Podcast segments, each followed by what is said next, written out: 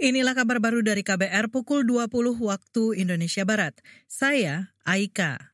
Wakil Presiden Ma'ruf Amin mengklaim pengawasan terhadap rumah ibadah maupun instansi lain sudah menjadi kewajiban pemerintah.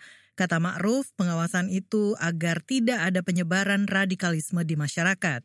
Ya seluruhnya dikontrol penuh. Kita kan tidak ingin ada apa namanya ada ada institusi atau lembaga atau tempat yang kemudian ada penyusupan penyusupan kan. Ya termasuk masjid tentunya, termasuk gereja, termasuk yang lain-lain.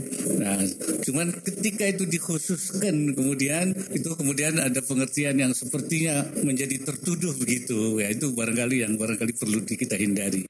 Itu tadi Wakil Presiden Ma'ruf Amin. Sebelumnya, Kepala Badan Nasional Penanggulangan Terorisme BNPT Riko Amelza Daniel mengusulkan ada mekanisme kontrol rumah ibadah. Usulan itu disampaikan dalam rapat bersama Komisi Bidang Hukum dan HAM DPR Senin lalu. Menurut Riko, Kontrol di tempat ibadah melibatkan masyarakat, bukan pengawasan penuh oleh pemerintah. Usulan ini kemudian memicu kontroversi. Kita beralih, Polri menangkap 11 tersangka kasus judi online di Bali. Penangkapan dilakukan sejak Kamis kemarin. Wakil Direktur Tindak Pidana Siber Bareskrim Polri, Dani Kustoni memerinci, satu orang merupakan koordinator dan 10 lain operator judi online di laman Auto 88. Jadi untuk tracing aset ini kan baru kita dalami. Ya kita kan itu perlu uh, waktu karena harus dianalisis dari transaksi keuangan, kemudian kita juga dari uh, pemeriksaan-pemeriksaan yang lebih dalam. Ya tadi sudah disampaikan oleh penyidik bahwa ini diterapkan uh, undang-undang TPPU dan ini baru ditangkap kemarin. Tuh kita kan kita tracing nanti. Tadi disampaikan setiap orang nanti kan kita tracing ini. Wakil Direktur Tindak Pidana Siber Bareskrim Polri, Dani Kustoni menambahkan, ke-11 tersangka kasus judi online itu dikenakan sejumlah pasal, antara lain pasal pelanggaran tindak pidana pencucian uang.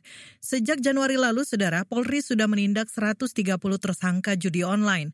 Sebanyak 70-an di antaranya sudah diproses secara hukum. Selain itu, Kementerian Kominfo dan Polri sudah memblokir 560-an situs judi online.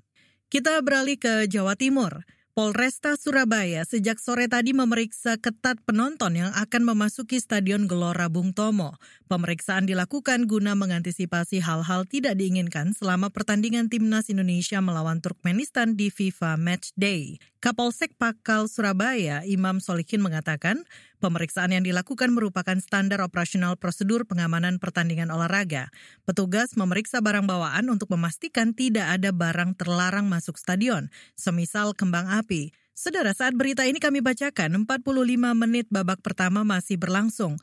Pelatih Sinteyong menurunkan formasi baru timnas Indonesia. Formasi ini imbas cederanya sejumlah pemain saat berlaga bersama klub di Liga. Bila timnas Indonesia berhasil mengalahkan Turkmenistan, maka peringkat FIFA yang saat ini di posisi 150 akan naik menjadi 147. Sedangkan Turkmenistan sendiri kini berada di ranking 138 FIFA.